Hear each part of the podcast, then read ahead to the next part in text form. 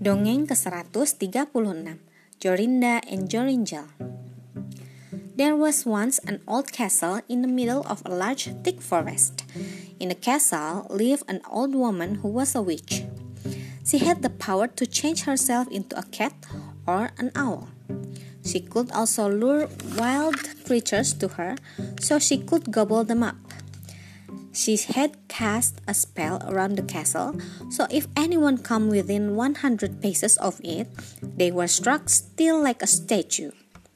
If a girl was trapped in this way, they, the witch would change her into a bird and keep her in a cage. She had about 7,000 cages of rare birds altogether.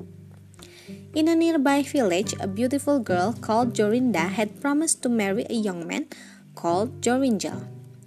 One summer's evening, they went for a walk through the forest. They were so involved in talking together that they did not pay attention to where they were. And all of a sudden saw that they had strayed near the witch castle. The moment they realized where they were, Jorinda disappeared and a nightingale stood in her place, singing sadly. Joringel was horrified, but he could not move. He was frozen as though made of stone. An owl swooped down from the sky and flapped into the undergrowth. A moment later, a crooked old woman walked out with cruel eyes and a hooked nose that reached almost to her chin. She muttered to herself, caught the nightingale, and stumped off with it. Joringel could do nothing at all to stop her. He could not even cry out.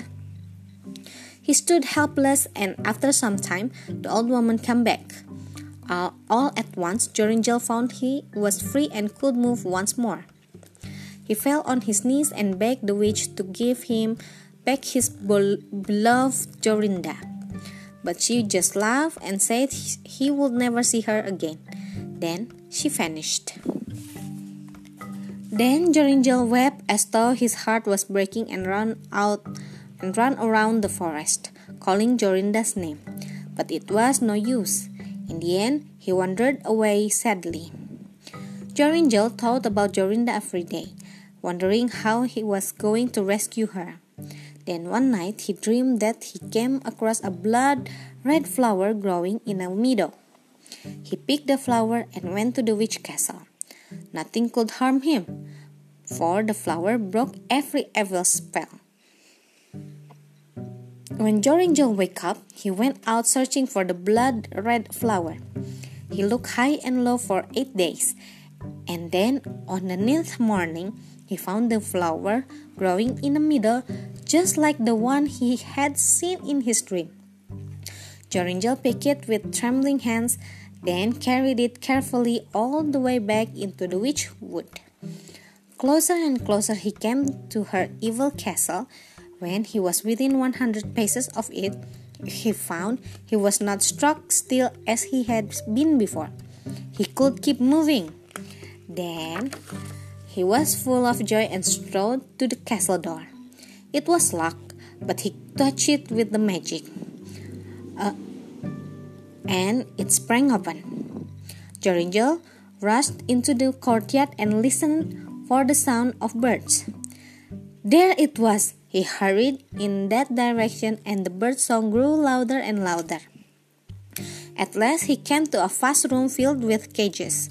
The witch was there too, feeding all the birds. When she caught sight of Joringel, she jumped up and down in fury.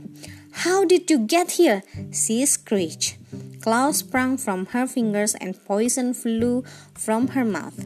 She rushed at him, but when she was just three paces away, it was as she hit an invisible wall. She beat her fist on the air and kicked and screamed, but she couldn't get any closer. So Joringel drew up his courage and took no notice of her.